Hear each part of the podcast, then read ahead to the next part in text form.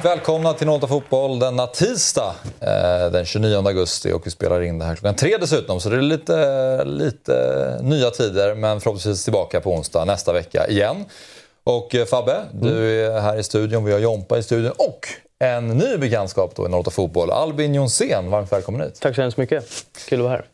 Artist, låtskrivare och rappare står det på din Wikipedia-sida. okay. eh, så det är det jag tänker att du får vara här, men också ja. AIK-supporter såklart. Eh, hur känns det att, att sitta här och kanske inte prata så mycket musik då, utan mer fotboll och framförallt AIK? Ja, fantastiskt eh, roligt, det är det bästa jag vet. Så det känns jättekul. Skönt att vara här. Jag var så jävla rädd att vi skulle tappa poäng igår. Så jag var så här, hoppas, hoppas vi tar tre så jag får komma hit med lite... Ja, det är svårt att vara kaxig som AIK i år. Men ändå skönt att, att få en trea liksom. Ja. Eh, så jag är jätteglad att vara här. Det är inte många, många program som aik får sitta här efter tre poäng. Eller? Nej, nej, speciellt inte hemma. det var ju sjukt ju att, när man tänker på det, det var ju, senast var ju när AIK mötte Bayern Exakt. som de tog tre poäng på Friends. Mm. Yes. Herregud, det var länge sedan. Om man hade sagt det till dig då, du var på den matchen mot Absolut, absolut. Har du tagit det på förhand? I april där bara, du, eh, nästa gång du lämnar Friends med tre poäng, det är i slutet av augusti hemma mot Varberg. Ja, det är overkligt. Men, det är, men den, och den segern i sig, alltså Bayern-matchen är också på ett sätt overklig. För alla vi som var på Norrköping matchen innan, kände jag att det här är kört. Alltså det, såg, det är det värsta jag sett. uh, så att vi vann den matchen är också ja, det är en story i sig. Liksom, ja. Hur det kunde se ut så. Och då tänkte man ju så här, förlorar AIK den, då kan det nästan bli kravaller. Liksom. Mm. Ja, det kommer lite senare dock. Precis. Ja, nej men eh, det var väl... Eller hur kände du när du gick till Friends? Alltså med förutsättningarna. Möta jumbon som släppt alla sina bra spelare och det, liksom, det ska bara vara tre poäng. Ja, alltså jag är alltid negativ. Alltså jag tänker alltid att vi kommer torska. Spelar ingen roll vad det är för match. Men just igår var jag såhär, idag, vi kommer vinna. Det kommer bli 4-0. Mm. Uh, och jag kände väl... Eh, alltså just eftersom Varberg har checkat ut. Det känns liksom som de har, de har gett upp, de har sålt mer eller mindre halva startelvan är vägskickad. Liksom. Så det känns som de förbereder sig för Superettan. Och jag tycker inte vi var så dåliga som resultatet blev mot Norrköping. Jag, tycker, jag var på plats. Jag kände att första halvtimmen var kanske vår bästa halvtimme i år. Mm. Sen så att det står 1-1, eh, alltså 1-2 i halvtid. Alltså, det var så här, vi hade så mycket lägen som, mm. som borde varit mål. Det borde i alla fall varit oavgjort i halvtid. Så jag var lite så här, kunde vi bara plocka med oss någonting från den matchen så kör vi över Varberg. Sen så, jag var tvungen att kolla om matchen i morse för att jag var så himla nervös i början. Och vilket laget också verkade vara. det, var ju inte, det var ju en del felpass i början, men jag tycker ändå att vi hade kontroll på det. Liksom. Eh, men ja, jag, jag kände väl så här, bara vi håller nollan nu och sen så när Pittas gör 1-0 så är det så här, ja, då är det över typ. Då, då Varberg är, är inte med. Liksom. Nej. Det är ett jävla harakiri de håller på med. Sen Jocke Persson drog, nu bara, vad händer? Får man göra sådär liksom? Det är otillbörlig konkurrens.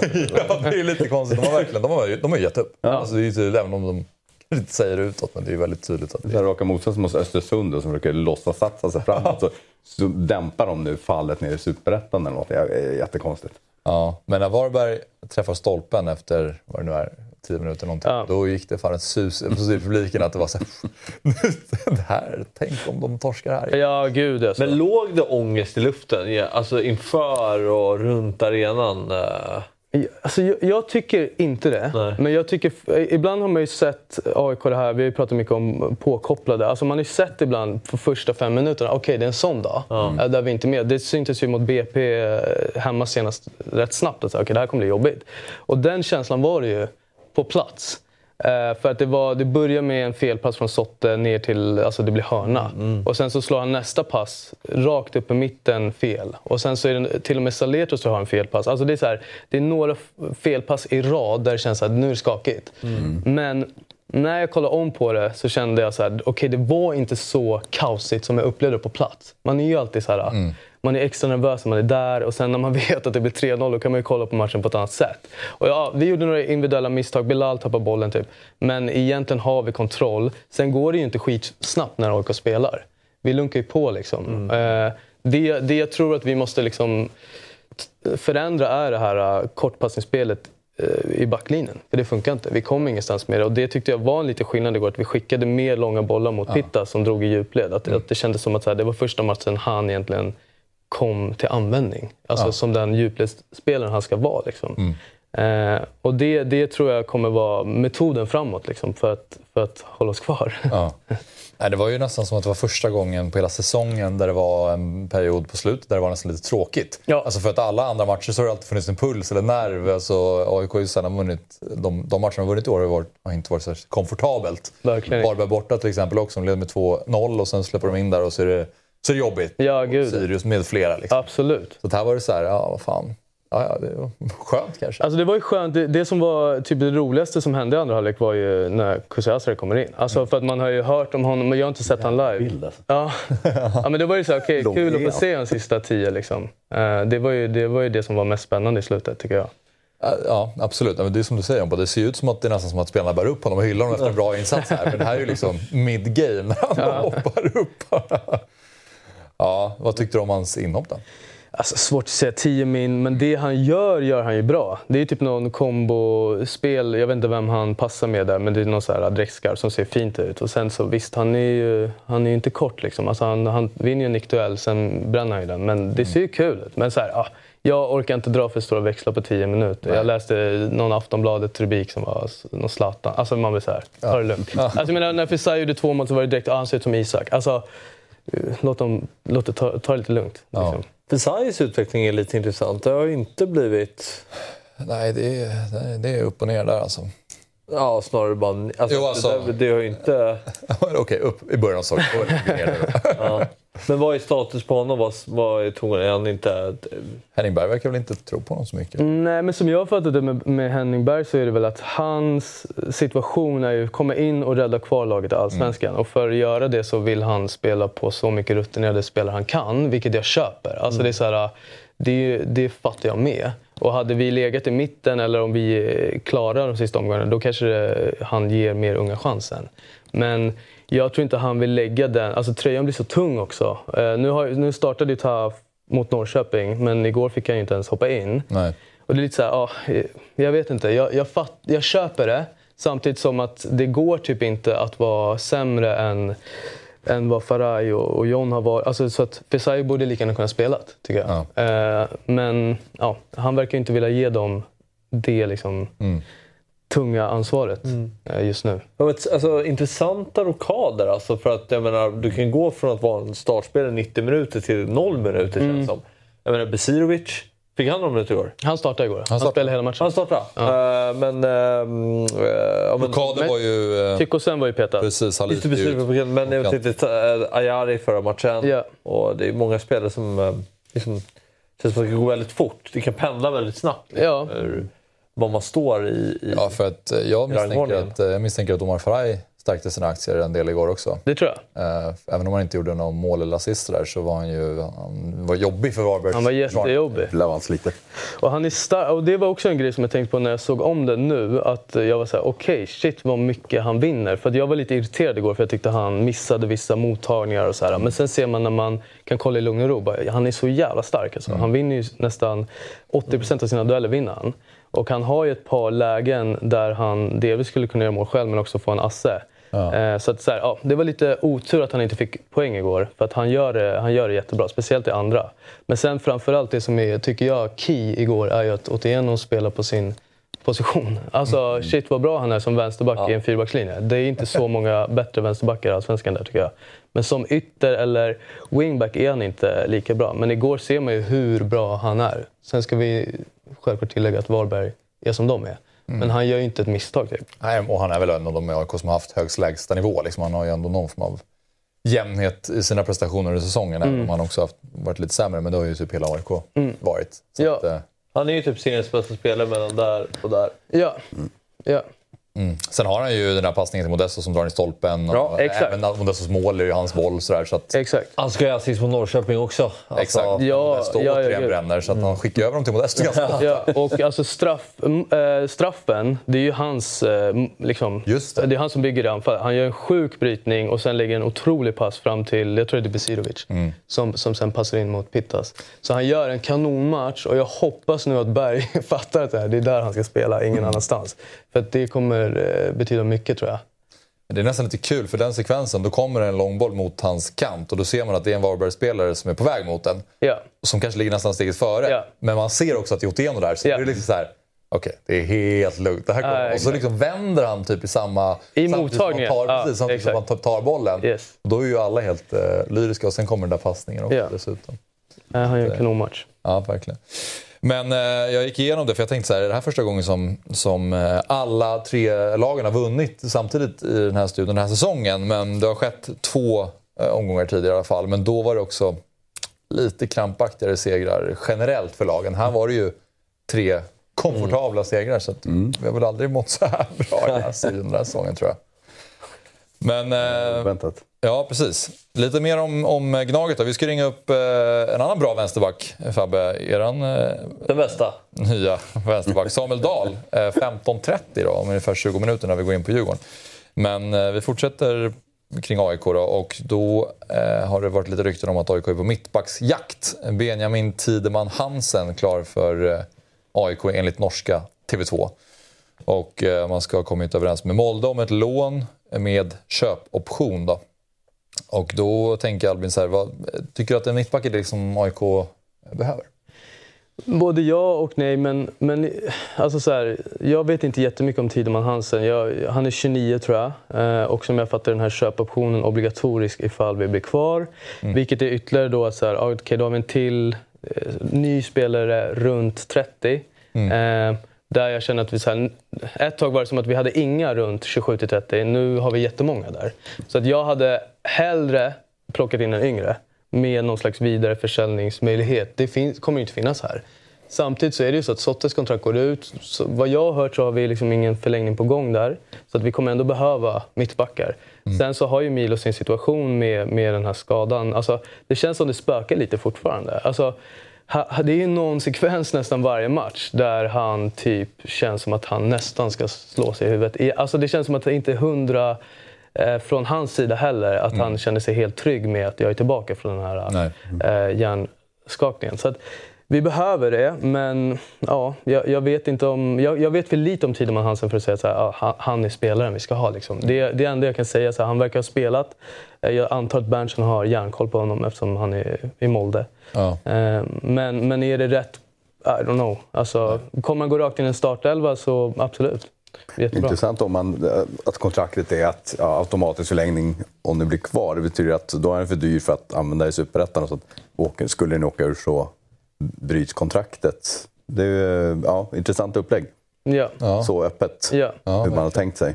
Det är en intressant kategori av spelare som AIK har. Alltså just den profilen, just åldersspannet som du pratar om. Där har AIK misslyckats ganska mycket med eh, värvningarna. Alltså spelare som ska vara liksom spetsspelare. För jag menar, de yngre spelarna har man ju, får man ju underifrån, vilket är ju jättebra för AIK. Liksom, alltså från egna akademin. Men just de här spetsspelarna från mellan ålder 25 till 30, där har ju inte AIK lyckats, tycker jag, de senaste två, tre åren. Alltså, Eh, man har ju haft många, många, och det är kanske generellt att man har misslyckats med sina värvningar också. Alltså jag skulle säga att det är alltså, katastrof nästan. Alltså om man ska säga det facitet vi har på värvningar från andra klubbar i den åldern. Det är inte alls Nej. många träffar. Eh, och det är ganska dyra värvningar också. Nu, nu kan vi inte säga någonting om de Berntsen plockat in. Det är för tidigt. Ja. Alltså, så här, Pitta såg skitbra ut igår. Och, Och Tyckosen kan vi nog konstatera inte i AIK. men, men uh, ja, Tykosen verkar ju vara för dålig helt enkelt. Men, men så här, Besirovic och Pitta, Anton ser jättefin ut. Ja, ja. Liksom. Men det är ju också en så här... Det var safe. Ja, men det hade ju liksom ens mormor kunnat värva. Liksom. Ja. Den här hemvändaren, Ja. det är inte samma liksom, Nej. det krävs scoutingarbete. Och... Nej, och det får vi ju konstatera att så här, både sportcheferiet och scoutingverksamheten har ju varit för svag. Alltså, så här, det är ju, om vi går tillbaka ett par, tre år och kollar fönstren så är det väldigt få träffar.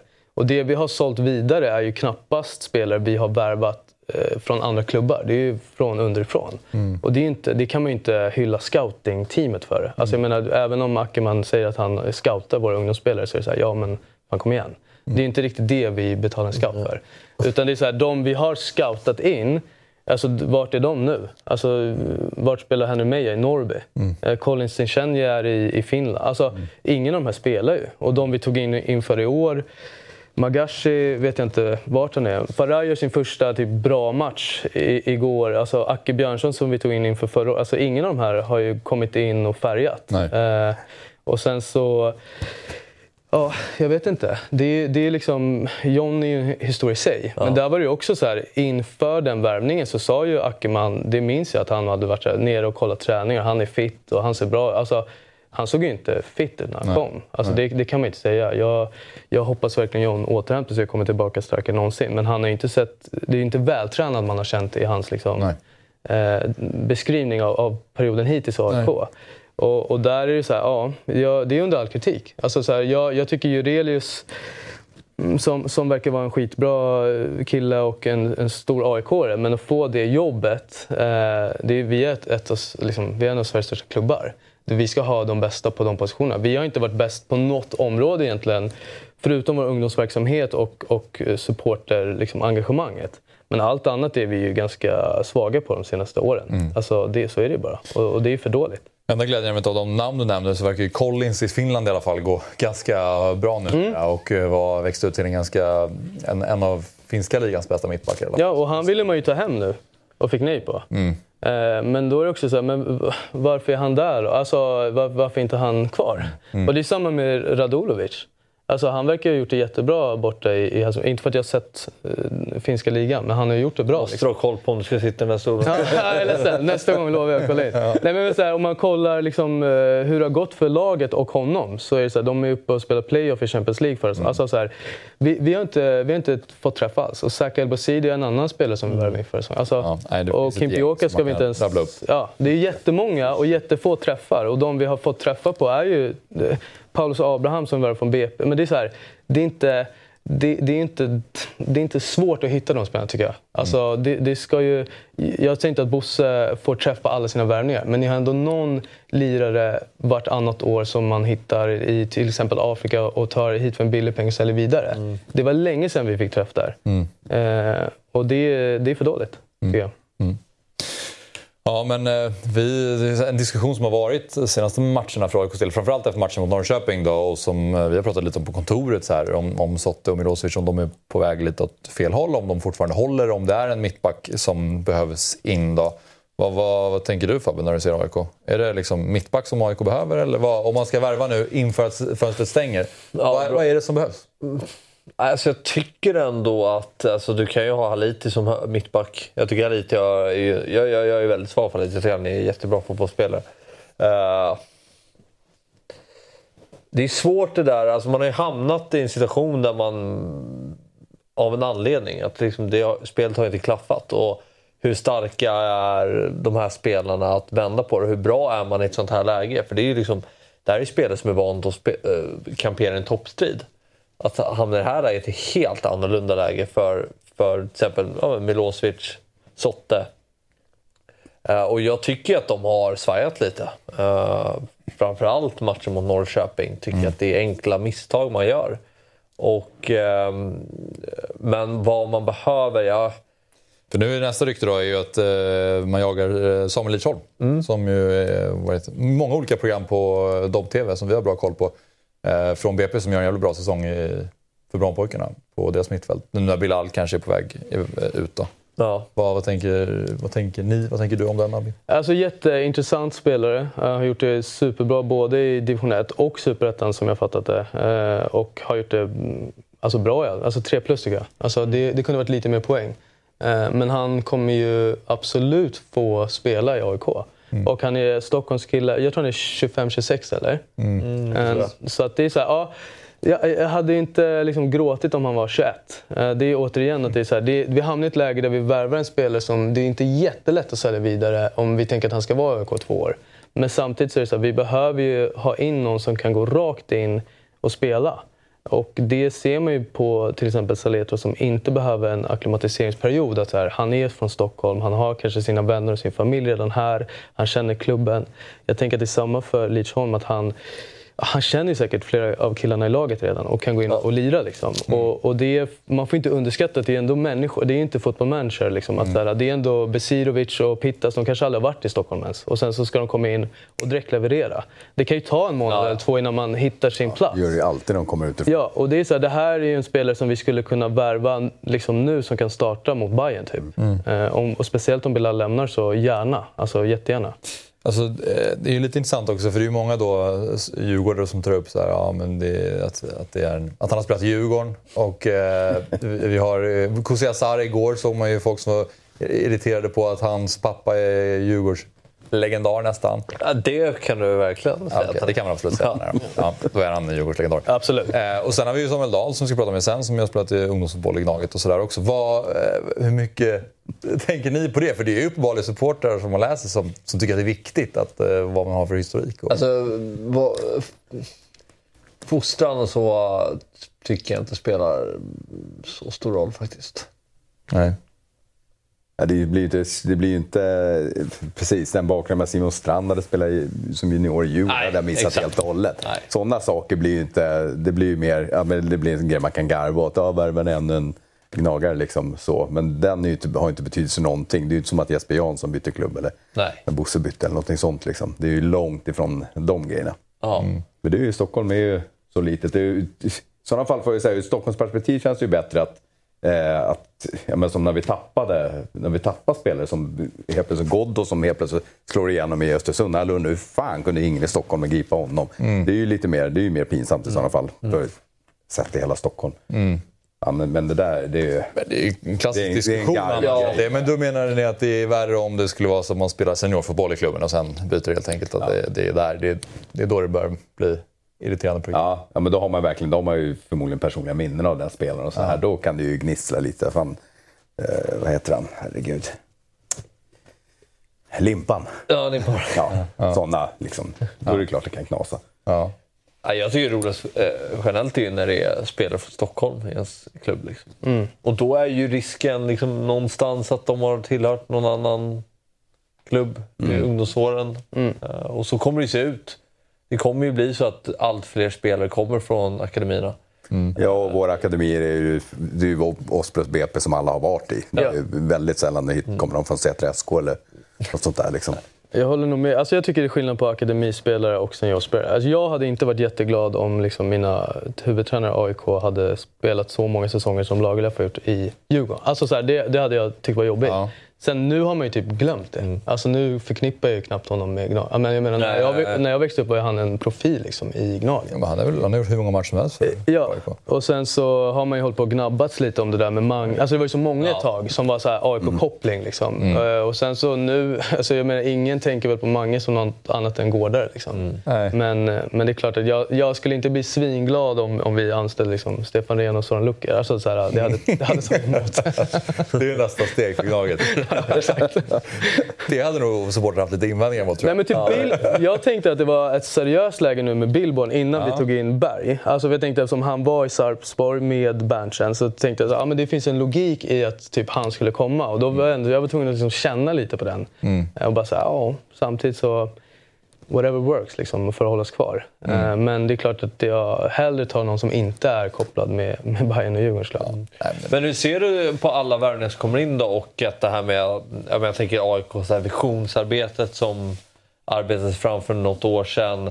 Kommer in liksom en, en sportchef utifrån, en tränare utifrån. Hur ser du liksom på, ser utsikten ljus ut tycker du med, med eh, de två vid rodret just nu? Ja, Alltså, jag tycker det är jättesvårt att eh, svara på det innan vi vet hur det går i år. Alltså så här, för det, det kommer ju hänga jättemycket på, ska vi vara en superettan-klubb 2024 eller en allsvensk klubb? Definiera. För, för, för, för jag menar så här, om jag ska se det lite större så är det så här, jag tycker att det är för många år nu där vi har gjort jättedåliga beslut, där klubben inte har skötts enligt mig på ett tillräckligt professionellt sätt. Där vi har så här internrekryterat både på sportchefssidan men även på tränarsidan. Där det, är så här, det har inte krävt så mycket på CVt förutom att du ska ha någon koppling till någon i klubben eller ha liksom hejat eller varit jobbat i AIK. Det tycker jag inte är en bra metod om vi ska liksom växa som klubb. Sen så det är ju skitkul om vi kan ha vissa profiler eh, som har en koppling till Gnaget. Men vi behöver inte ha det på alla positioner. Arbetsintervju. Jag stod på norra. Bra. Ja, men exakt. Men lite så har det känts. Då är du bra på ekonomi. Eh, och det är så här, eh, ja, BV, alltså det var ju hög tid att han lämnade när han lämnade. Men där tycker jag så här, vi borde ha tagit in en, en helt annan sportchef än hans ass eh, vid det läget. Som inte har någon erfarenhet egentligen från någonting annat än att ha jobbat i AIK. Mm. Och det gillar jag med att så här, ja, men nu har vi plockat in Berntsen. Eh, och även, jag, jag, jag, jag tycker det är svårt med Berg för att det, det är så svårt att bedöma honom förrän vi får se vilken typ av fotboll han vill spela. Nu känns det verkligen som att det enda han vill göra är bara ta de här poängen. Poängsnittet han har sen han kom, det räcker ju till ett, till ett kontrakt. Liksom. Och jag, jag, så länge det gör det så är jag så cool med det. Men, men jag gillar rekryteringarna vi har gjort. Eh, jag tycker att så här, Manuel har fått så mycket skit och det ska han ha för sitt sportchefsjobb. Men jag tror inte egentligen att han kanske, de, den rollen, alltså det han blev anställd för, det kanske egentligen var eh, bra. Alltså det, det, det kanske var det han skulle ha gjort. För att han kom ändå in lite utifrån. Jag tycker att det var rätt att här, Jurelius fick gå. Sen så tycker jag att timingen på det var dålig. Jag tycker kommunikationen kring det var dålig. Jag tycker att det var synd att vi gjorde det, tog det beslutet utan att ha gjort klart med vem som skulle ersätta. Där, där det blev en lucka där, där han helt plötsligt, mannen själv, ska gå in och göra det jobbet. Och det gjorde han ju inte bra. Nej. Eh, Det kan man inte säga, men Jurelius hade inte gjort det bra heller de här senaste fönstren. Varken på försäljningssidan eller på, på spelare in. Liksom. Eh, Så att, jag, jag är glad över de vi har tagit in, men, men det är så jäkla svårt att svara på framtiden förrän vi vet om vi är kvar. Så här, åker vi ut då blir det ett helt annat läge och, och då får vi bygga från det. Men det vi har är ungdomssidan och den har vi, det finns ju massa nya spelare som kommer upp hela tiden som känns spännande. Och kollar man vilka vi har sålt de senaste två åren så Alltså det är ju allt från Mendes till Karl till, eh, till Ayari till eh, Trippel. Alltså det är så här, det är flera stycken och det kommer några till nu. Liksom. Ja, nej men det är, det är en bra poäng. Vi får eh, spännande att summera AIKs säsong sen efter säsongen och det som Henning Berg har gjort sen han eh, kom in. Ja, och kravbilden också. Jag, alltså, eh, jag menar, det är folk som är lite tveksamma till Berg redan nu. Absolut. Och Jag menar, kravbilden på AIK, om man klarar sig kvar, kommer ändå vara ganska höga inför nästa år kan Absolut. jag tänka mig. Alltså, jag menar, ta eh, 2005, man går upp och slutar tvåa 2006. Alltså, eh, 2010 var man på väg att åka ut, 2011 slutar man tvåa. Alltså, AIK har en historia av att året efter studsa tillbaka jäkligt starkt. 2020 också slutade man på, jag vet inte, det- man slutade väl ändå hyfsat bra men låg ändå ganska långt nere. Ja. 2021 slutade man tvåa. Alltså, Ja, och här är det ju, här är det ju inte något... Jag menar, även om ja, men Klaren är kvar nu och oavsett vilken position eller så, så är det ju, klubben står ju inte på ruinens brant eller någonting. Nej, Jättestor publiksiffror, det finns, ekonomin är okej. Ja. Eh, Det, är ju verkligen, det här det är ett misslyckat år på alla sätt och vis, men behöver inte starta från noll. Liksom. Ni kommer inte vara nederlagstippade nästa år. Nej, och det ska vi inte vara. Och egentligen kollar man på den truppen vi har, det här är inget, det här är inget lag som ska åka ut. Nej. Alltså det är Nej, ju men så här, det är ju- och, är kollar man från sommaruppehållet till, till nu, det poängsnittet, så är vi typ så här, ja, vi är mittenlag. Vi, skulle, vi håller ungefär samma poängsnitt som Kalmar och Bayern, alltså som vi skulle haft det här från början. Det. Så i de första 12 matcherna tar vi sju poäng. Och det, alltså det, är det är för, för dåligt liksom. Ja. Eh, men ja. Ja, nej, men eh, vi, eh, vi får se om vi, det blir någon... Vi kommer prata lite mer AIK sen när det är dags att snacka upp derbyt som Ja. ju är i helgen, men det återkommer vi till.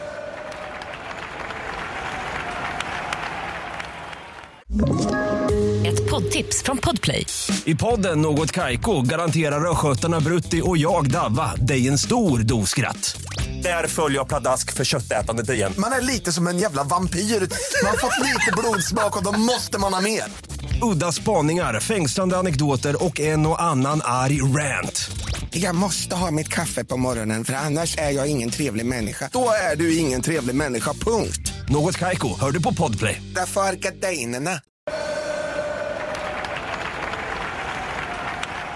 Nu pratar vi lite Djurgården. Jag vet att eh, förhoppningsvis har vi med oss eh, Samuel Dahl på länk eh, alldeles strax. Men ehm, har vi dem redan nu kanske? Eller är det en stillbild där? Nej, det är en video. Skicka in en tror jag. selfie. Vad sa du? Skicka in en selfie. Vi kan väl i alla fall eh, skicka i hörlurarna. Samuel, hör du oss? Nej, jag misstänker att han... Så, hör ni mig? Ja, där. Ja! Ja, Vi hör det i alla fall. Vi ser bara en stillbild på det. Jag vet inte om det har frusit till, men vi får, eh, vi får eh, höra varandra i alla fall. Ja. Eh, Men du Samuel, välkommen till Nota Fotboll.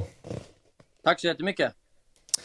Du har ju eh, klivit in i Djurgården på ett väldigt eh, framgångsrikt sätt får man säga. Och eh, första frågan blir väl egentligen om du, har, om du själv är överraskad över hur bra det har gått sen du anslöt till Djurgården? Eh, ja, men det måste jag väl ändå säga att det är en, en, en liten överraskning faktiskt. Jag, jag vet ju att jag kom in som en, en, eh, en backup egentligen. Eh, och där förhoppningen bara låg på att få, få så mycket speltid som möjligt. Eh, men sen när det har gått så pass bra som det har gjort och så pass snabbt så har det egentligen... Jag, jag har knappt hunnit tänka att tänkt igenom det egentligen. Jag har liksom aldrig riktigt landat i att det har gått så bra så snabbt. Eh, så det är väl en liten överraskning. Mm. Men när du säger att du gick in som eh, backup, var det så de Djurgården och Bosse sa att du skulle vara från början? Och hur utvärderade du ditt nästa steg då när du var i Örebro? Eh, nej men det var ju som, de eh, värvade ju Rami som nummer ett och jag var liksom utsagd nummer två. Eh, mm. Men jag tänkte väl egentligen att jag vet vilket, vilket lag jag kommer till och vilken kvalitet det är både i matcher men också i träning. Så jag, jag värderade träningen ganska, ganska mm. högt där.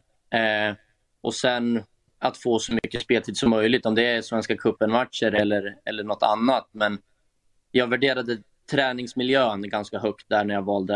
Eh, och sen nu kan man väl inte annat än att säga att det har blivit ganska perfekt. ja, nej, hur, hur, hur vill du beskriva träningsmiljön då? Otroligt hög kvalitet. Eh, det är väl egentligen det jag, jag har, har uh, sagt som högt, att det är en väldigt hög lägstanivå liksom, jämfört med, med tidigare. Eh, och det finns en enorm kvalitet hos alla i laget i stort sett. Mm. Och vad, eh, vad är liksom största omställningen då från att eh, spela fotboll i Superettan med Örebro kontra Allsvenskan och Djurgården? Eh, det har jag sagt lite tidigare också, att det är väl egentligen när det väl går, går snabbt i spelet så går det otroligt snabbt. Du måste vara liksom på tårna och på hugget eh, innan du får bollen. Du måste veta vad du ska göra av bollen när du får den. Och det är liksom att man, man måste steppa upp eh, vad man vet med bollen. Liksom. Allt mm. du gör måste gå snabbare än vad det har gjort tidigare. Mm. Men det känns ändå som att det passar dig ganska bra att du, att du är en snabb spelare och fattar snabba beslut. Så hur skulle du själv beskriva liksom, dina främsta färdigheter? Eh, nej men ja, jag tycker att det har passat mig bra det här. Eh, och sättet som Djurgården vill spela och, och, och hur jag passar in egentligen. Jag, jag vill ju spela en, en, en rolig fotboll med mycket passningsspel och mycket bollinnehav och, och egentligen komma lite nu nerifrån som jag gjort i en fyrback. Till skillnad från det, i Örebro där vi spelade med fem. Eh, så nu egentligen så är jag bara nöjd att, att ha bollen och spela och, och ha roligt liksom på planen. Mm, mm. För det har ju, under tiden som du anslutit till Djurgården så har det ändå hänt mycket i, i klubben. Det har varit mycket skriverier om Oliver Bergs flytt till Malmö FF och det har varit några insatser som har kritiserats. Och Mange sa efter matchen eh, mellan eh, eller i veckan mellan Göteborg och Malmö-matchen att det är den stormigaste tiden i, i klubben sedan han anslöt. Hur eh, har det varit för din del att komma in i Djurgården under den här perioden?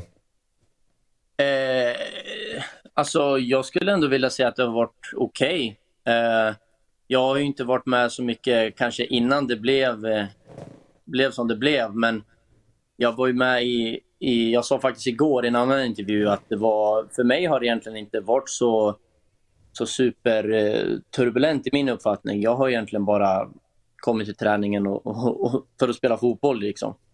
Eh, så för mig har det ändå känts okej, okay, måste jag säga. Hur, men hur har snacket gått bland spelarna då? Alltså när du, pratade ni någonting om det? Att det har varit mycket skriverier i, i media och så kring, kring olika saker i klubben? Nej, det har faktiskt inte gjort det. Tycker jag. Alltså, jag tycker det har känts som att alla har liksom varit, varit, varit där redo för att, för att inte göra så mycket annat än att spela fotboll och träna. Eh, så nej, jag tycker egentligen allt fokus ligger på rätt ställe och vi har fokuserat på nästa match hela tiden. Men du, har, eh, har Bosse tackat dig ändå? Det känns som att du håller på att rädda hans rykte som sportchef här de senaste, senaste värvningarna som han har gjort. Eh, nej, men han, har, han har berömt mig lite efter matcher och vi har, och vi har snackat så, men inte, inte några längre samtal. Nej, det tycker jag fan att han ska ta med tanke på hans eh, senaste fönster under vintern. Där typ alla spelare har lämnat klubben. Eh, men eh, Samuel, kort, Eh, några korta tankar om matchen mot Degerfors här senast. Det känns som att ni var lite tillbaka till det, det bästa versionen av Djurgården. Eh, ja, absolut. Så känns det verkligen. jag tycker att vi, vi gjorde en väl genomförd match. Speciellt första halvlek tycker jag, eh, där vi, vi ja, dominerar liksom utan tvekan. Eh, vi går ut i direkt och vi sa innan att vi ska gå ut och liksom, vi ska dominera den här matchen. Vi är hemma på Tele2 nu efter ja, vad är det, fem raka bortamatcher. Liksom. Så att vi nu är på Tele2 med, med supporterna i ryggen, det finns inget annat än att gå ut och dominera direkt från, från start egentligen. Eh, så att vi gör en så pass stark början med ett mål direkt, det är ju det är bara otroligt. Eh, mm. Och sen att vi lyckas fortsätta spela, lyckas göra ett mål i andra halvlek och, och spela av den på, på ett okej okay sätt ändå tycker jag. Jag tycker det är intressant att eh, höra vad... För att, jag vet inte hur mycket du hade kollat på Djurgården innan du anslöt klubben, men jag tyckte den här matchen var också tydligt att det var liksom det gamla Djurgården var tillbaka. Alltså, lite rakare, lite tyngre, trycka ner motståndare, fylla mycket spelare i boxen, in med mycket bollar i straffområdet. Och så jämför man matchen på Blåvitt för två veckor sedan. Det var väldigt, känns som att det gick mycket långsammare i den matchen. Pratar ni just mycket om det, att ni skulle vara lite mer direkta och lite mer liksom, gå snabbare till anfall i den här matchen och eh, jämfört med liksom, tidigare matcher? Eh, egentligen inte så mycket, mycket mer om att vi skulle vara snabbare till att, till att komma till, till avslut, liksom så sett. Men vi var ändå väldigt, väldigt tydliga innan med att vi ska gå ut och göra det här till vår match och ändå vara liksom, eh, vad ska man säga, distinkta i, i avslut och vad vi vill göra egentligen. Mm. Eh, men inte, inte superstora skillnader i, i hur vi har snackat inför andra matcher egentligen. Mm. Men det är lite tråkig fråga, men jag vill ändå fråga dig. Hur har det liksom varit att spela inför eh, så pass mycket publik och eh, bra tryck på, på läktarna och sådär kontra ja, men deppiga Bern Arena och deppiga Örebro? eh, nej, det har ju varit otroligt. Alltså, det har känts magiskt måste jag säga. Det är lite, man blir lite pirrig där när man går ut för första gången. Liksom. Eh, med så många som skriker och, och, och hejar på en. Liksom. Det är en otrolig känsla. Och sen att vi lyckas ta, ta tre poäng för, för dem är ju bara magiskt. Har du själv känt kärleken för supportrarna? Alltså det känns som att du redan börjar växa ut till en supportfavorit. Eh, ja, men det har jag väl fått en del. Många, många, många följare och många som skriver till mig. Så ja, jag har väl fått en del. Ja, ja men eh, roligt. Stort tack för att du var med Samuel eh, och lycka till. Tack så jättemycket. Tack. Kör Hej. Man kan ändå som, som AIK säga lycka till med gott samvete för det är bra om ni liksom slår dem ja, där nere. När ni väl möter Till exempel mot Degerfors. Även om du ville att det skulle bli 0-1. Nej, när jag var och kikade matchen så var det ändå... Nu, Då höll du ändå på Djurgården? Ja. när du väl knas där. Så knas när ni körde Gnaget och åker ur då. Så bara, nej, nu hjälper de ju. Ja, det hjälper dem. Mm. Uh, nej, det, var, det var faktiskt uh, en väldigt rolig match uh, igen. det kändes som att det blev liksom en urladdning som man hade lite hoppats på. att liksom Spelglädjen var tillbaka, det var bra fart. det var liksom precis den matchen som man ville ha egentligen. och ja, men Bra besked med Gurban Ler sina två första mål. Jag tycker Mange gör en fantastisk insats. Uh, Wikheim får göra mål igen. Liksom, det var många svar man ville ha. Var det inte så att man kastades tillbaka typ till ett, två år sedan? Ja, när, det var när så här, Wikheim i mål igen, Danielsson nickar in en hörna. Ja. Alltså, allting är bara så här, okej okay, det här har jag sett förr. Ja. Nej, men det var liksom så här, man ställer av Degerfors och eh, är bra. Uh, liksom är starkare, bättre än Degerfors i allt. Mm. Uh, och det, man vet ju när Degerfors gör 1-1 så vet man ändå att Djurgården kommer vinna den här matchen. Och det är den känslan man vill ha tillbaka. Eh, för att det känns så himla... Ja, men det, det känns som ett kollektiv igen liksom, som, som kör. Och, Jag kände tv-rutan också faktiskt att det var, så här, ett jävla snyggt mål han gjorde ändå, men man kände att ja, ja, även om skulle de göra ett mål till här nu, ni kommer inte falla ihop på något Nej. sätt i alla fall. Liksom. Det, kommer, det kommer lösa sig. ja. Det var tydligt. Ja, men det var verkligen... eh, Jag tycker inte att det är många sådana här matcher vi har fått under året. Just det här som man spelade i den här matchen. Även fast Degerfors är Degerfors och kanske seriens, eller över seriens näst sämsta lag så tycker jag ändå att det var ändå Djurgården igen som det, det man lärde känna för, ja, från och med 2021, 2022. Alltså, eh, utan de andra matcherna vi har vunnit, till Malmö hemma, är ju inte för att det är ju en bra liksom, defensiv insats att ställa om på kontringar. Här är det mer liksom att vi kör över motståndet. Eh, Men fan vad bra han är, Samuel Dahl, ändå. Ja, nej, ja, jag är jättebra. Han är tillsammans med Mange klart, eller klart, men bäst på plan tycker jag. Och han har varit det. Han har varit bra i samtliga matcher. Ser du några svagheter hos honom? Nej, jag tycker det som imponerar mig är defensiven. Uh, för, eller alltså, som man kanske var lite... Om det är någonting man var tveksam med innan så var det kanske defensiven. Eh, Jag säger inte att jag var tveksam med defensiven, men jag tycker ändå det är där han imponerar. För att han kanske inte är den starkaste, största spelaren. Nej, så- precis. För offensiven, det, det så, av det jag såg i Örebro så var det verkligen att han är verkligen skicklig med bollen. Och man ser ju att han har varit inne i mittfältet tidigare. Att han löser situationer bra och uh, ja, eh, hittar liksom, ah, olika typer av lösningar i olika situationer. Så, men nej, ja, eh, jäkligt kul att se honom. Väldigt härlig injektion på, på säsongen. Det där kommer bli jättebra. Så, Tar emot att höra. Han har ju spelat i Gnaget, eh, ungdomsled. Det har varit en ganska bra ersättare mot Eno. Ja, men det verkligen. kan ju bli nästa farmarklubb som Ja, bara ger oss talangerna. Det är, Nej, men han hade ju varit perfekt istället för, för Acke som liksom tvåa på vänsterbacken. Och nu lämnar Otieno och most likely efter säsongen och så hade han fått starta nästa. det har Där- sagt nu fem år att Otieno ska lämna. Ja, men det har ju varit den här vidareförsäljningen. Det är ju vi som inte har velat släppa honom. Nu är det ju, alltså, det är ju 99,9 att han kommer ju lämna. Liksom, för kontraktet går ut och han kommer inte vilja förlänga det. Eh, men det är klart att det här är en spelare som, som den tröjan ska egentligen vara svart och gul. Liksom. Men, eh, Beklagar. men, det jag tänkte, ja, men det jag tänkte på med, med just vänsterback, alltså det är, som jag fattar fyra avlönade vänsterbacksspelare i Djurgården just nu. Det är Ja. Check, Pierre Bengtsson, Cabe och Samuel Dahl. Vilket är, det är ju fantastiskt. Alltså hur dåligt har man värvat det? Jo, men alltså, jag menar, när, när man tog in Cabe tänkte jag att det var nummer ett, som han själv sa också. Så här. Och det var nog tanken. Pierre Bengtsson och Check kommer nog inte vara kvar efter säsongen. Det är svårt att se. Eh, Men eh, är de hela? nej, Är båda skadade eller? båda är skadade. Alltså långtidsskadade eller? ja. Okej. Ja, men då, då finns det en förklaring. För jag bara kollade och bara shit, vad, hur många vänsterbackar ska ni ha? Nej, ja, det, är, det är en del. det var, var Men, något år de har ju varit, ja, men om de, så här, var någon som var på tillbaka eller sådär. Men det, Nej, Okej. och jag räknar inte med att någon gör någon match till i Djurgården heller. Nej, okej. Eh, så... Nej, det där är hans plats. Eh, så... Nej, det är bra. Kul. ja. Elias Andersson eh, och sen Samuel Dahl och... eh, Jag, så här, ni har väl ändå träffat hyfsat rätt där nu på, på vänsterbacksposition Ja. senaste säsongerna. Ja, precis. Och så här ställde ni upp då. Ja. Så att, ehm, ja, återigen Unne Larsson före. Ja, Lövgren. precis. Han gör ju en stabil insats återigen. Uh, Ja. Une.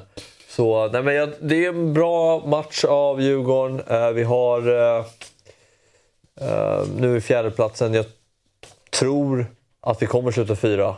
Jag tror Djurgården kommer växla upp nu eh, och göra en bra avslutning av säsongen. Eh, så Och alltså, vi ska släppa Djurgården, men eh, det är nog väldigt viktigt att Gurbanli fick göra de där två målen. Ja. Alltså för, skönt för er att få igång det. Sen borde han, gjort, eh, han borde gjort ett hattrick såklart, missade straffen. Men han var ju glad ändå efter matchen, vilket man kan förstå.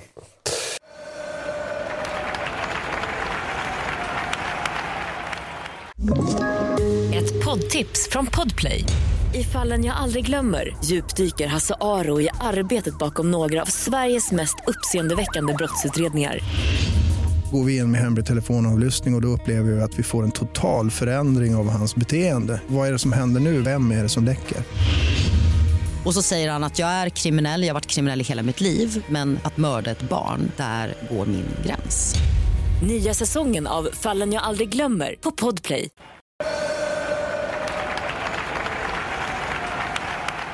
Men eh, Jompa, ni mår ju fan bra också. Ja, men så är det faktiskt. Ja, Eh, Fan. Rulla på. ja. Länge sedan vi vann. Vi har i år vunnit med tre mål på Hur bortaplan. många halka? Det var några, men nu var det faktiskt någon i Mjällby också. Det var skönt att se. Det var inte bara vi som hade fel skor. Där han slår felpassen till 2-0 är ju det är obegripligt. Det Just det. var lite hala, skor där också.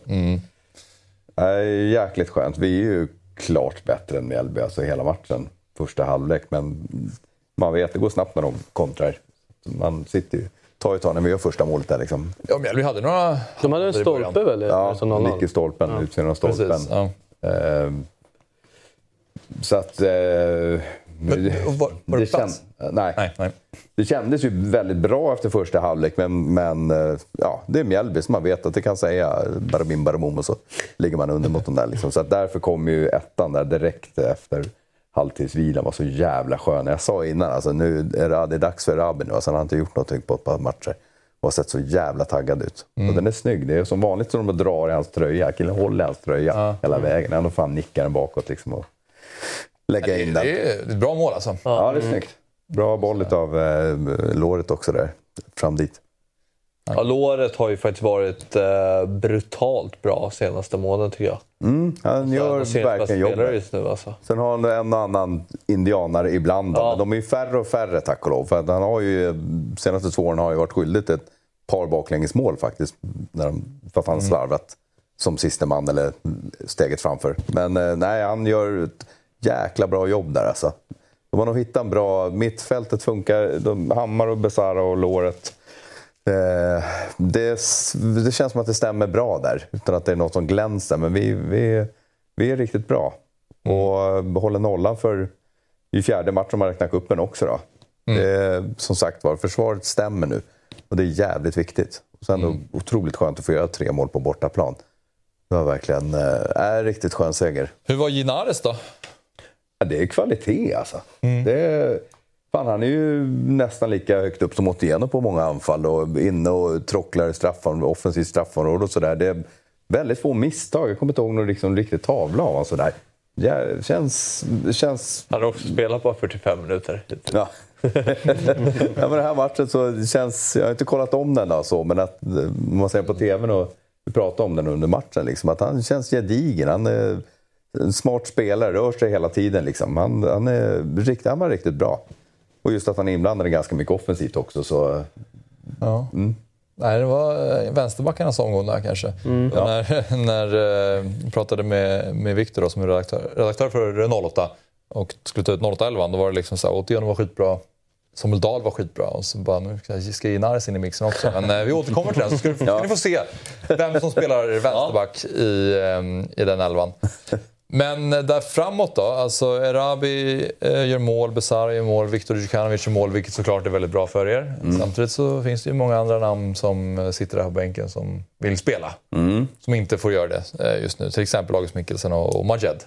Ja, men precis. Och Madrid fick spela med HTFF och var riktigt bra där. Där är ju en bra grej. Han och Dennis Gyll gick ner och, och eh, så vann de. Dennis gör en, en så jävla snygg halvbiss och kletar på hörna bort i krysset. Han är... Jag har sett den faktiskt. Ja. Ja. Eh, så det... Eh, så de får i alla fall de får spela ändå. Då. Men Madrid saknar man ju lite. Han, han var ju pigg där i våras. Eh, men jag tror inte det är något problem. Jag tror inte... Det, är inte det finns ingen känsla av att det skulle vara något gnäll eller någonting sånt. Utan det, Marti tar ut det här laget, de gör det bra. Sen kommer Viktor in och får göra mål. Det är skitbra, det är skitskönt för honom. Typiskt honom. Det var näst, man tittade som fan på linjedomaren att han inte skulle vara offside. När det blev klart och bara kände att han kommer sätta den. Det här är Viktor-läge liksom. Hade det varit eh, någon, någon hammare eller någon sån, då hade han hunnit tänka för mycket. Det var för mycket friläge. Någon sån spelare hade hunnit tänka för mycket och bränt det. Men det här är typiskt Viktor-läge. Han är så jävla ensam med målvakten. Då kommer den gå in. Han, har den, han är så en riktig jävla måltjuv. Ja. Eh, Så det var det var bra spelare som fick göra målen.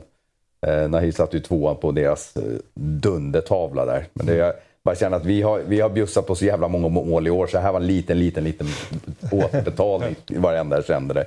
Jag vet inte hur många mål vi har Och som gett bort hjälper där. Alltså, ja, det var, Ja.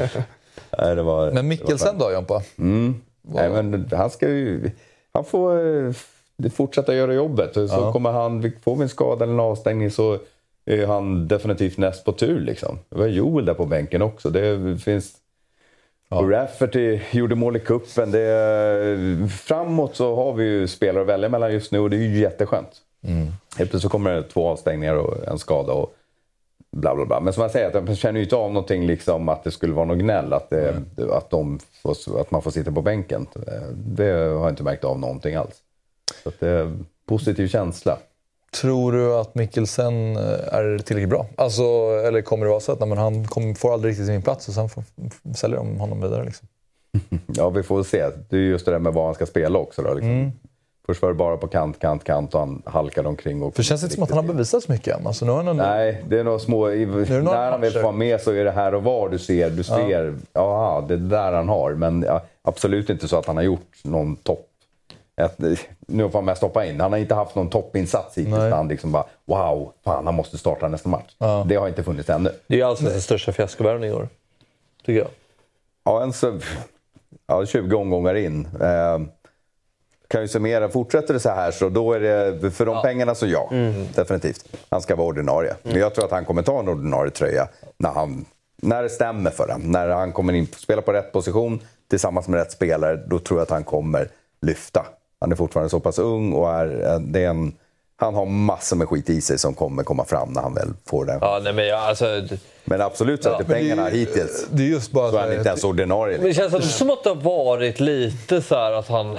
Nu läser inte jag alla bayern forum och Twitterflöden, så det känns ändå som att det var ganska liksom, förskonad från Ja. mycket kritik. Alltså jag menar, det har ändå börjat gå bra, som han har använt andra spelare. Han har liksom kunnat... Liksom, Ja, det är inte det- ringgrej liksom att eh, han har fått... Nej, han, han har inte fått så mycket skit hittills. Men det kanske också är för att han är så pass ung och han hade en liten skadeperiod där. Så där men att, absolut att han måste steppa upp. Det måste han göra. Han har, annars kommer det ju bli, kommer det bli lite grinigare. Men det är just att typ, eh, Majed, alltså där ser man ju så tydligt att det finns en höjd i honom så att han kan bli riktigt bra. Och Viktor Djukanovic känns också som att han visar upp den eh, då och då. Mikkelsen känns det fortfarande att vänta på den här, okej där har vi den spelaren som Bayern vill ha. Sen, så, sen Precis. så kommer han fram för sällan, men det, det har fortfarande inte du menar att du inte riktigt ser ens tendensen? Nej, exakt. Ja. Nej, jag säger, det är vissa moment i matchen man kan se sådär. Okej, att han, ja. han vänder bort en spelare och har Ja. precis total koll på vad han har sina medspelare. Sådär, liksom. Men absolut, det, det, nej, Mm. det är bra jämförelse. Det, det där håller jag med om helt och hållet. Mm. Men det är fullt förtroende för honom fortfarande. Alltså, det, är liksom, det var en av Norges största talanger. Det, är- han kommer... Hur långt kontrakt är det? Eh, ja, det måste ju vara minst två år i alla fall. Eh, vi skriver ju inte något Ja, ja, det är- korttidskontrakt. Nej. Det är inte Så Nej, men då liksom finns det ju bara- tid också. Ja, precis. Inge, ingen panik liksom. Han var dyr, men det, ko- jag har fullt förtroende för att han kommer utvecklas till att bli Mm. definitivt ordinarie i Bayern och kanske till och med liksom verkligen stötta spelaren i Bayern. Albin, vad, eh, du som är ny i studion, eh, din relation till Hammarby? Hur mycket avskyr du dem? Alltså, jag har alltid liksom avskytt Djurgården så mycket. Så, så, så Bayern har liksom varit eh, långt bakom i, i den relationen. Men sen är det också så här, en stor del av de senaste liksom, tio åren har ju varit att Bayern också har varit i Superettan. Alltså, så, här, så det har inte funnits som här, där, alltså, det har inte kokat så mycket som det har gjort nu senaste, ja, nu är det kanske sex, sju år sedan det kom upp. Men jag menar, det är ändå... Det, är ju fan, det blir ju tio år. Ja, det kanske är 10 då, Nästa år. men, men då är det jag som börjar bli gammal. Då är det de senaste fort. 20 åren då, så, så har det varit en stor del i Superettan ju. Och det har varit svårt att ta dem på allvar som ett hot ju, under de åren såklart. Och sen så när man kommer upp så var det mycket hype kring, kring matcherna och så här, men jag kände aldrig att de utmanade ordentligt. Sen har vi ju det 2018-året då, när det var AIK Bayern som som eh, hade ettan och tvåan ett tag under sensommaren där vi har det där klassiska derbyt när Goitom avgör. Då var det ju väldigt laddat, för då tror jag Bayern var tvåa och vi var etta. Eh, men ja, alltså jag, jag har liksom ingen kärlek för Bayern överhuvudtaget. Men jag har aldrig känt den här riktiga hatet som jag har gjort till Djurgården. Eh, och det tror jag har att göra med ja, men delvis superettan-åren, men också att eh, ja, man har inte vunnit så mycket. Det, det är så det är. Sen så, eh, vi vinner inte heller så ofta, men, men det, är liksom, det är väldigt sällan eh, Bayern Mm. hotar i allvar de här sista omgångarna. Och det är klart att det påverkar också. Ja. Djurgården är större. Alltså, jag menar, början när jag började gå så var Djurgården bäst i Sverige. Liksom. Och hade eh, vissa säsonger man bara... Det kändes som de var det Malmö varit ett tag liksom, eh, i modern tid. Och sen nu när man har kommit tillbaka senaste fyra, fem åren så känns de ju... Ja, de har ju gått om oss. Liksom. Eh, och det, jag, har svårt att ta, jag har haft svårt att ta, no offense, men jag har haft svårt att ta Bayern på allvar. Sen så tycker jag att det, det man gör i år är imponerande för att de spelarna man tappar, det är ju inte vilka som helst. Och ändå så har man sagt, okej det kändes ju svajigt i början av året. Att jag trodde man skulle vara mycket sämre. Nu är man ju typ formstarkast i, i Allsvenskan just nu tror jag. Eh, och, och att inte ersätta det med så här jättedyra profilvärvningar förutom Mickelson. Men att man ändå vågar ge de här Erabi de chansen är jätteimponerande tycker jag. Eh, det är bara att lyfta av hatten liksom. Ja, jag har ju sällan, I alla år har man ju suttit här i studion och så här varit imponerad att AIK hela tiden får upp nya blåa linjer och allt sånt där. Mm. Det är ju både vi och Djurgården så jävla sunkiga på. Men nu är det sista åren med HTFF och akademin så är det ju bara att lyfta på hatten. Ja, men sen är det ju, bara, jag vill bara återkoppla till det här med, med floppvärvningar. För jag tycker liksom Teke också, det är ju jätte... Alltså, han var ju jätteupptalad värvning och gjorde det skitbra i Norrköping. Nu, vad han lämnade för Cypern nu. Ja, precis. Mm, lån till att börja med, men jag vet inte. Nej, men, men alltså, där är ju, det, jag trodde han skulle vara liksom en av kanske allsvenskans bästa innermittfältare och ersätta Bojanic. Alltså, så här, det har ju blivit katastrof. Herregud, alltså. Eh, så att, eh, det, är, det är ju, alla våra lag har haft rätt dåliga träffar i år. Alltså, Oliver Berg kan vi också Ja, ta upp i floppvärvningslådan. Det finns en lista där. Ja, så att, så här, det, det är ju några namn som man hade helt andra förväntningar på sett till vad de har levererat. Liksom. Så är det. Ja, Vagic skickade vi till Helsingborg. Han var ganska Ja, men exakt. också. Det var ju Det inget gratis. Victor Fischer vill in i diskussionen också. Ja. Han ska Han spelar absolut Han är lagt av, det går inte att prata om det. Nej, det är sant. Den är så, den är så, det är så stor flopp att han slutar spela på Ja. 90-talet. Han blev så knäckt Men det var efter det här med att eh, Cifuentes gick väl ut och sa att eh, han var sjuk. Eller, med, med Ja, den här är så jäkla konstig. har det varit lite infekterat känns det som. Ja, och det, där är jättemycket diskussioner på forum och i Facebookgrupper och allting och alla har sin teori om det. Men den är ju jättekonstig. Det enda som vi vet det är ju att där, han var sjuk Mm. eh, någon match. Och jag tror att det är precis innan, innan Twente där då också. Som han plötsligt inte är med i truppen. Och Twente, med, som någon hade statistik på, han har aldrig förlorat mot, mot Twente liksom, när han var i Holland i princip. Så att det var en perfekt spelare att ha där. Men så är han inte med och då får Marti frågan på presskonferensen. Nej men han är fortfarande sjuk säger han och då går Tech ut, eller blir intervjuad då såklart. Eh, och säga att nej men jag är inte alls sjuk. Och helt plötsligt så var det bara jätteinfekterat allting. Det, är, det är det vi vet nu. Och sen, och, ja, det, det, är så, det är så jävla mycket frågetecken. Det finns så många teorier om vad som har gått snett. Liksom. Att han har försökt att gadda ihop spelare mot Marti och bla bla bla. Det finns alla möjliga. Men det där är det enda som vi vet. Det är det enda de gått ut med. Och sen gjorde han en intervju för någon vecka sedan när han säger så här, börjar med att säga att Nej, men du kommer inte få några rubriker av mig. Och sen bara spiller han hela bönsalladen. Det, är, det är skit och det finns de som inte gillar mig och bla bla bla. Och allting. Han verkar jättebitter. Eller inte bitter ska jag inte säga. För han, han säger att det är ett jävla bra, han har bra kontakt med folk och allting. Och han trivs i Bayern. Och, eh, han liksom är positiv så, men det är klart och tydligt att det är någonting som, som skaver i hon, för honom. Men han, ja, vi vet inte mer än så. Och nu lånas han ut till eh, Cypern då. Det är väl jättebra eftersom han inte verkar vara med på bänken. Vi har juniorer med på bänken istället för honom. Så någonting har ju skurit sig och det känns som att det är direkt mellan honom och Marti. Det är det, det, är det närmsta jag kommer en bild av det här. Det är otroligt konstig soppa. Bara för att han blir petad en match, vart han grinig för det. Det låter ju också rätt orimligt av en kille som snart är 30. Det kan han ju inte ha blivit. Så att jag vet inte fan vad det är för någonting. Nej. Nej. Nej, det är väldigt märkligt. Men, Ja, eh, riktigt skum historia. Diskussionerna på fe- i Facebookgrupperna vill man ju läsa. Ja, det, där är det är alltid roligt Ja, man, står ångas alltid, man alltid när man ger sig in i det där. Ja. Nej, men det, är, det är uppenbart att någonting har skurit sig. Alltså, annars så slutar det inte så här. Och jag menar, han, han är ju kvalitetsmässigt tillräckligt bra för att spela i, i Bayern. Ja, det I vilken allsvensk som helst. Han ska ju absolut inte vara utanför truppen. Nej. Och där har ju vi en liknande situation med Magashi som är så här, det kanske inte är den bästa spelaren man har sett, men han är ju absolut tillräckligt bra för att sitta på bänken i AIK. Ja. Mm. alltså, så det är någonting som har hänt. Där verkar det ju vara... Det är väldigt oklart vad det är, för de har ju inte kört så mycket i media som, som Teke gjorde. Men någonting har ju hänt mellan honom och Henning Berg. Alltså, mm. eh, det, det, det, det, går inte att tolka på något annat sätt. Liksom. För att så här, de spelarna, alltså typ att Dabo sitter för, på bänken, det, är, det är, mm. självklart har inte att göra med att Dabo är bättre än Magashi. Liksom. Nej. Mm. Jag trodde Teke skulle slakta Allsvenskan alltså. mm. tillsammans ja. med Besara och Sadiq. Jag tror. Och du trodde mycket på den här spelaren också? För mig. Ja, jo, men ja. det var ju bra i Värnamo. Liksom. Ja. Det, men... ja, det är sådana här värvningar jag vill göra där man har typ presterat i Allsvenskan mm. och sen så kan man ta in honom, och så, som vi ja. snackade om med Lichholm också, som kan gå in och färga på en gång. Och det mm. var ju det man tänkte med Magachi. Sen är det ju otur att han, jag tror han drar axel och leder någonting sånt på, precis mm. innan seriestart. Ja, och det hämmade ju honom, men sen såg det ut som att han var på gång igen. Mm. Eh, han var ju typ den enda som var helt okej. Okay i slutet av vårsäsongen. Ja, det var precis. Det var en mm. period där när de eh, kryssade mot Kalmar. Han fixade straffen. Ja. Han gjorde, han gjorde mål också. dessutom målet ja. sen. För, han bränner ju den straffen. Ja, ja. Och sen så gör Magashi kvitteringen istället. Och så där, så att han, det fanns absolut några matcher när han var den bästa spelaren. Ja, och han är ju absolut tillräckligt bra för, för att vara med i truppen och göra inhopp. Eh, mm. Liksom. Så det är, det är någonting som har skurit sig. Mm. Skumt det. Ja, det är det. Eh, vi ska kolla på kommande matcher och då är det ju så att eh, Hammarby tar emot AIK mm. på Tele2 Arena. Jag är i eh, Thailand på söndag. Mm. Så att, nej, det blir... Ja, de har wifi. ja, exakt. Jag, jag kommer ju eh, se matchen, men, men från länk. Mm.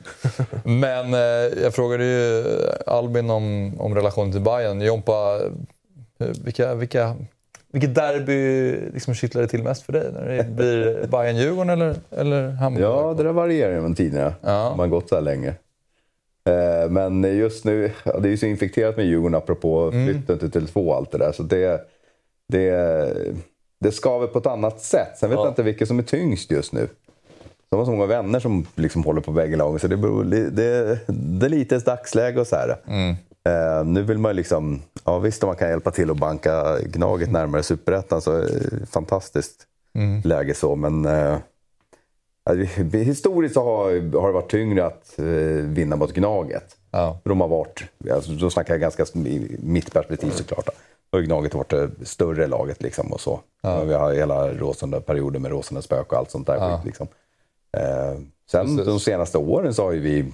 Fan, vi är oftast bättre än Gnaget i matcherna men det blir inte så jävla mycket poäng. I våras, eh, vad heter det, pandemiderbyt, där vi första gången Billborn lägger in handbromsen fast AIK har bara massa juniorer på plan. Så här, förra året 3-3 hemma. Vi, att, vi, att vi släpper in tre mål när vi är så mycket bättre det är helt obegripligt. Så att, mm. eh, varit konstiga matcher de sista åren. Mm. Mm. Och nu vi, får vi se som favorit, någorlunda favoriter den här matchen också. Eh. Även om ja, Gnaget är ju bättre än att ligga näst sist eller tredje sist i Allsvenskan. Mm. Ja, nej, jag förstår det. Att det, det varierar väl mycket. Och som du säger, med att ni delar på arena också så gör väl det lite att det blir ännu mer infekterat mm. också mellan Bayern och Djurgården. Det är en annan, ett, ett annat skav. Ja, men vad för dig då? Du brukar, det är AIK som är den... Ja, men jag skriver under på det Jompa säger om rivalitet med Djurgården. Jag, jag upplever ändå att Djurgården tycker att Bayern är den största rivalen nu efter att liksom, så infekterat det har blivit. Mm. Alltså det blir lite där smutskastningar gentemot varandra och så här, vilka är värst på de här mm. ja, hopplösa attackerna mot varandra och sådär. Så det liksom blivit, det har ju spridit sig, blivit så infekterat. Så ja, jag senast där när du Djurgården med bussplaggan från ja, Malmö. När ja. ska ha, jag vet inte exakt vad som hände, men att några Bayern-supportrar ska ha stannat bussen då. Ja, men lite mer hopplös rivalitet har det ju mm. blivit. Liksom. Och det märker man också tongångarna på sociala medier tycker jag är värre mellan Hammarby och Djurgården. Och Uh, personligen tycker jag AIK är den större, största rivalen. Uh, ja.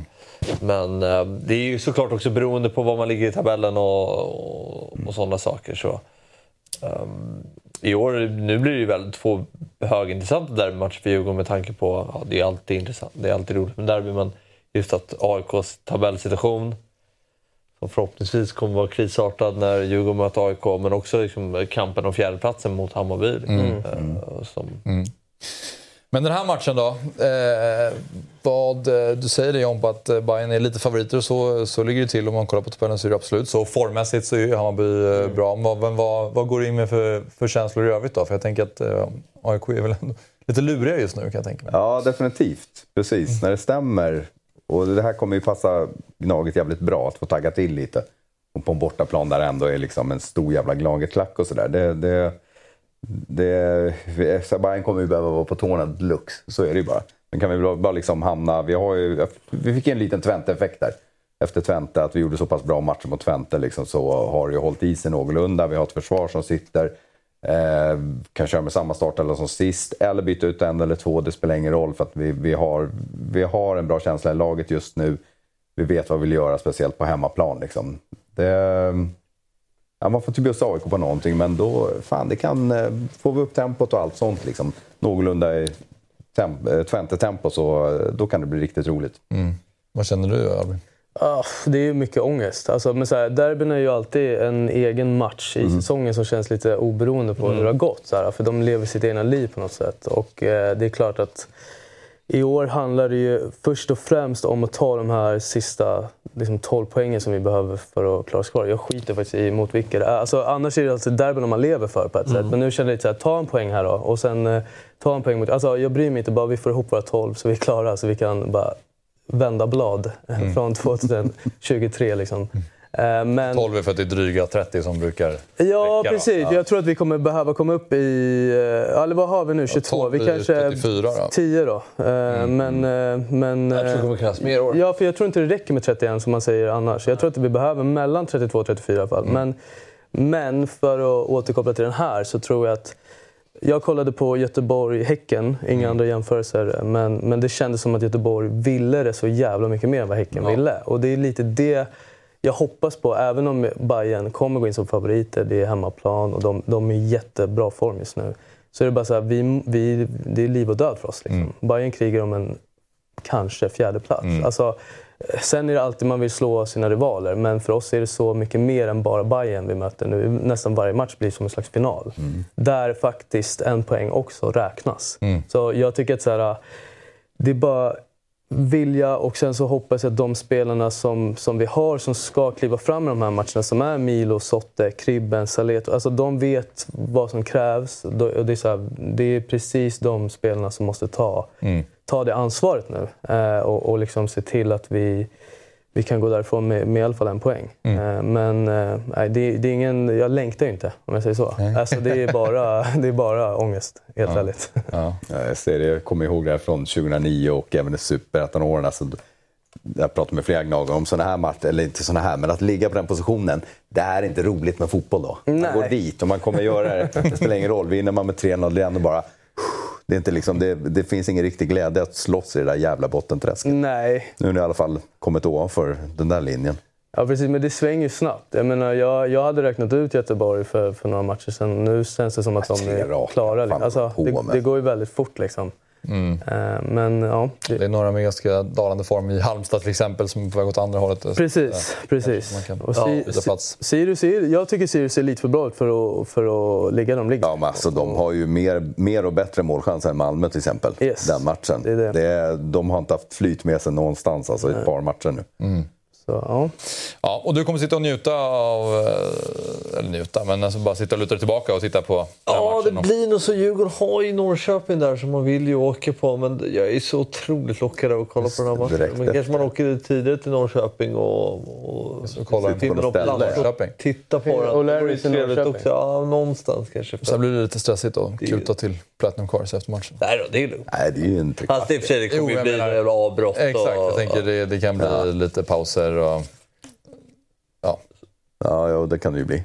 Ja, men om, det, om det rullar på tänk, som det tänk ska på oss så... Djurgården som vill kolla på matchen. ja, ja, om det rullar på ja, som det ska så. Senaste derbyn har ju bara varit att Gnaget ska köra sin sotigaste jävla rök. Den här toksvarta. Ja. Mm. Den har ju fuckat de senaste derbyna. Mm. Den som bara stannar kvar som en jävla oljebaserad... Jag vet inte vad fan det bränner för något alltså. Ja.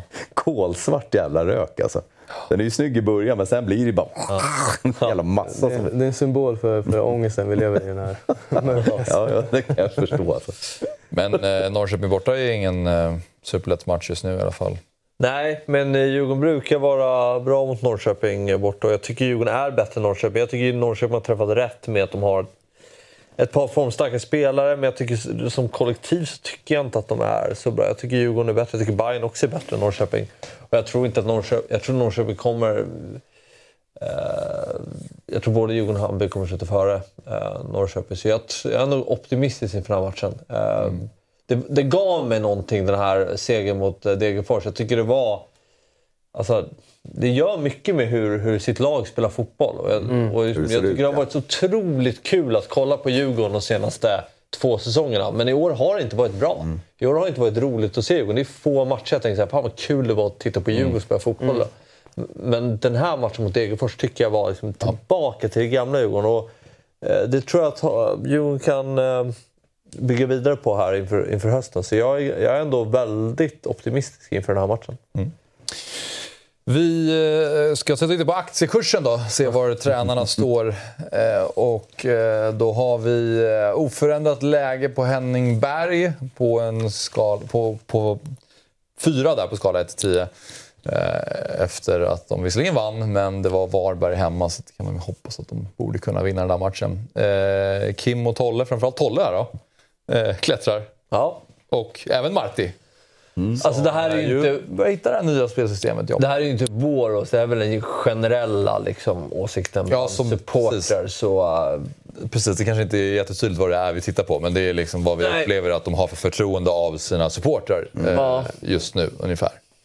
Och, mm, eh, ja, den är tung för Berg alltså. Den, den, jag, jag, tycker det är för hårt nästan. Alltså. Det får omvärderas nästan. Ja. Eh, för, man måste se vilka förutsättningar han har att jobba Vad är sparken mm. egentligen här då? I två eller? Alltså, etta är ju hembesök. ja, men etta är väl ungefär... Alltså vi ser ju att Brännan då låg på en etta där i omgång 13. Det är väl någonstans där det börjar komma upp banderoller och avgå. Ja. Liksom. Alltså, då var det ju många som tydligt, det var många som tydligt krävde att han skulle avgå. Ja. Mm. Och då är man ju nere på en etta. Ja. Även om det fanns delar av publiken på Friends som buade när de banderollerna kom upp. Mm. För att de ville att vi ska stötta vår tränare. Så, här, så att alla tyckte ju inte det. Mm. Men eh, när men jag tror det är väldigt lätt att tycka om uh, Brennan också. Mm. Alltså han, uh, han är väldigt likable som person. Och jag, tror, jag uh, hoppades verkligen in i sista att det skulle liksom, gå bra. Ja, det kändes sen, ju helt rätt när det var Ja, klart. men sen så måste man ändå se på det och bara okej, okay, det här det funkade inte. Och det var ju ganska naivt att fortsätta spela på ett sätt som alla kunde se. Så det, vi kommer inte ta poäng på det här sättet. Mm. Och ändå lite tjurskalligt hålla kvar i det. Och det är bara det jag tänker med Berg, att det är så här, det handlar ju bara just nu om att rädda kontraktet. Mm. Sen om det är 4-4-2 eller om det är 4-3-3 eller om det är 5 Jag bryr mig inte. Alltså ta poängen bara. Mm. Och liksom, det var ju samma Bartos gjorde när han kom in. Eh, det var ju omöjligt att så här, ge, se hur, hur ska han spela förrän egentligen år två, när vi kommer ja, tvåa. Mm. Eh, men, och det är där Helt sjukt att tvåa den säsongen. alltså 2021? Ja. På samma eh, poäng som Malmö? Ja. ja. Ja, jag tycker det. ja. Alltså sjukt på vilket sätt? Att det Nej, jag inte är så bra? Var, ja, men jag tycker inte att de var så bra den ah, okay. Men eh, de... Alltså... alltså Ja, det var ett, Halmstad, ett Halmstad-mål nere i Malmö från att AIK ah, ja, visst. vann SM-guld. Mm. Det är lite, som, det är lite bortglömt också nästan. Att ja. det var så pass nära. Ja, exakt. Det, det var ju det är jättebra år. Ja. Alltså, så här, vi tar 60 poäng tror jag och, och kunde vunnit. Mm. Men, eh, men tålamodet finns ju inte alltså, eftersom han får gå sommaren efter. Mm. Men ja. Mm. Noll... Har man hört något mer om eh, Kim förresten? Har sagt Nej. någonting? Nej. Jag... Det är lite oroväckande det. Mm. Nej. Vi får se när han kommer tillbaka.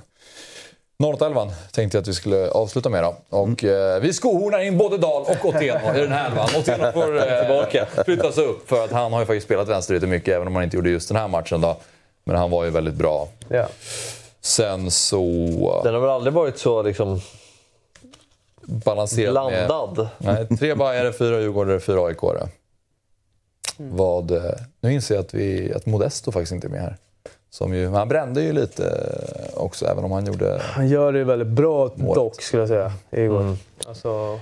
Tyck, ja, jag vet inte om jag sa det, men jag tycker Mange gör ju sin bästa match för säsongen i Djurgården, så han ska ju självklart vara med. Uh, ja. ja. det är lite svårt. Besara mm. gör 1 plus 1, en ja. väldigt bra match eh, mot Mjällby. Pittas och Gurbanli gör två mål var. De känns ju givna på topp tillsammans. Ja. Eh, och Sadik, Wikhem i mål. Sadik är väldigt bra också. Ja. Vad mm. Wikhem i mål. Ja, jo. Men Haliti är... Alltså för han blev väldigt hyllad. Jag, jag såg inte riktigt det. Eh, helt ärligt. Men det var, han gjorde en kanonmatch enligt eh, de flesta. Men jag, jag, ja, det kanske var det som var bra, att man knappt la märke till honom. För annars brukar man ju lägga märke till honom för han gör helt sjuka idiotpassar. Liksom. Han hade en situation där han sprang rakt in i banan och höll problem med bollen. Ja. Sen så vinner de tillbaka den och så hamnar de hos igen och blir det jättebra läge ändå. Eh, han exakt. räddas ju upp av det där. Men, eh, ja, man hade kunnat sko honom i Modesta där då. Det har du rätt i. Eh, Men, eh, men Modesta har gjort sex mål nu som höger wingback-ish. Det är bra. Eh, Då får man ändå ge han. Mm. Men du Det- tycker att han är dålig? Nej, verkligen inte. Jag tyckte, han hade, jag tyckte han hade en period under säsongen där han verkligen levde på att han, att han blev så lovordad i början av säsongen. Mm. Jag tyckte han hade perioder där han inte gjorde så bra prestationer.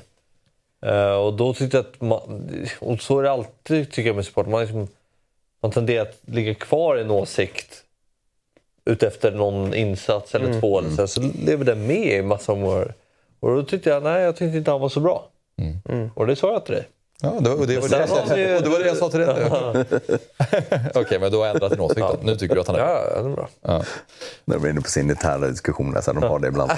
Ja, men jag fattar vad du menar. Han hade en period där han var svag. Ja. Jag menar, nu har han gjort två raka mål mot Norrköping och igår. Alltså så här, det, Sex sammanlagt va? sex, ja, precis. Det är ju flest. eh, Jag tror ingen i Stockholmslagen har gjort mer än sex. Nej, och det är ju, det, det, då, då ska man inte bara jag menar, blanda sig upp topp tre om man inte har en spelare som gör fem mål. Då är det, Ja.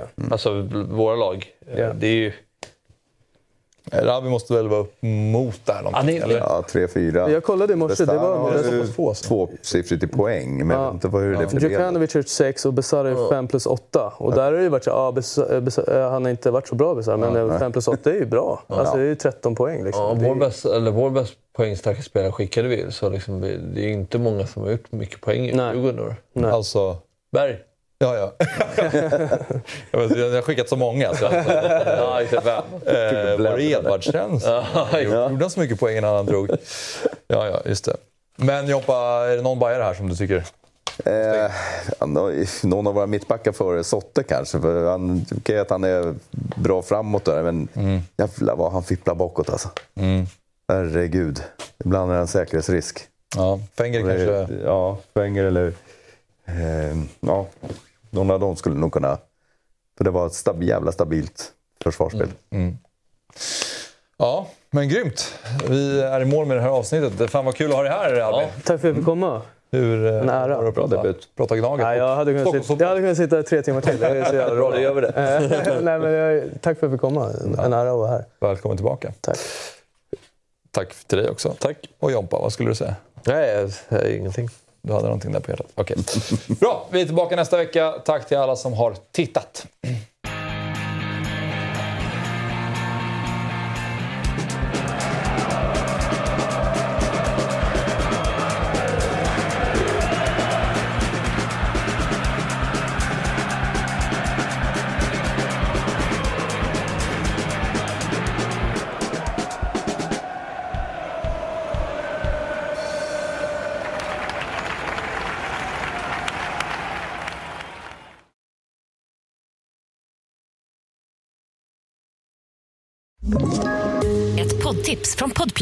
I podden Något Kaiko garanterar östgötarna Brutti och jag, Davva, dig en stor dos skratt.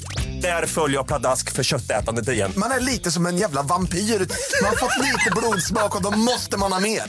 Udda spaningar, fängslande anekdoter och en och annan arg rant.